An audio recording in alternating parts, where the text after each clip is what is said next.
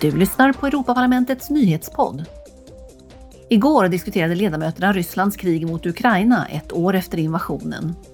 EU-kommissionens ordförande Ursula von der Leyen och EUs utrikeschef Josep Borrell deltog båda två i Strasbourg. Ursula von der Leyen gick igenom alla insatser som EU gjort för att stödja Ukraina.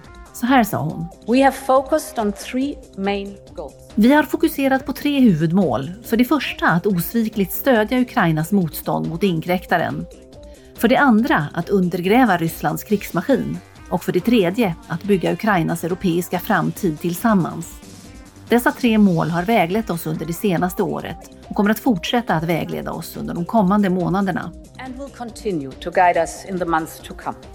EUs utrikeschef Josep Borrell tog upp de sanktioner som EU har infört under året som gått och bad sedan om mer militära förnödenheter till Ukraina.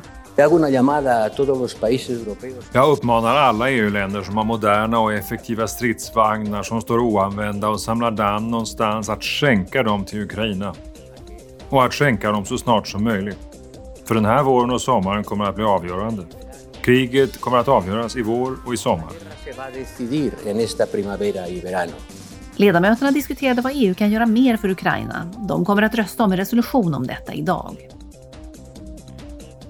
Under plenarsessionen uppmanade Lettlands president Egils Levits EU att finna den politiska viljan att åtala Ryssland för landets brott och säkra Ukrainas framtid i EU.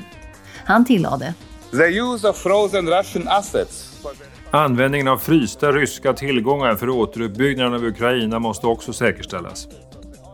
Detta gäller inte bara tillgångarna hos oligarkerna nära regimen utan i synnerhet tillgångarna i Rysslands centralbank. Även om det är komplicerat så är det juridiskt möjligt. Det som krävs är den politiska viljan. Den lettiske presidenten uppmanade också till en politisk lösning på de hot mot rättsstaten i EU som hörs i populisternas argument om den så kallade folkviljan. Även om mångfalden av nationella identiteter, kulturer och språk är Europas styrka måste rättsstatsprincipen vara densamma överallt, betonade han.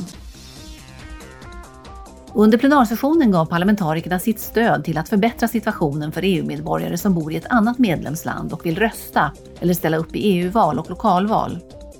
Parlamentarikerna kräver bindande regler för väljarregistrering så att någon som bosatt sig i ett annat EU-land omedelbart kan rösta där. Runt 11 miljoner väljare bor i ett annat EU-land än sitt eget. Du har lyssnat på Europaparlamentets nyhetspodd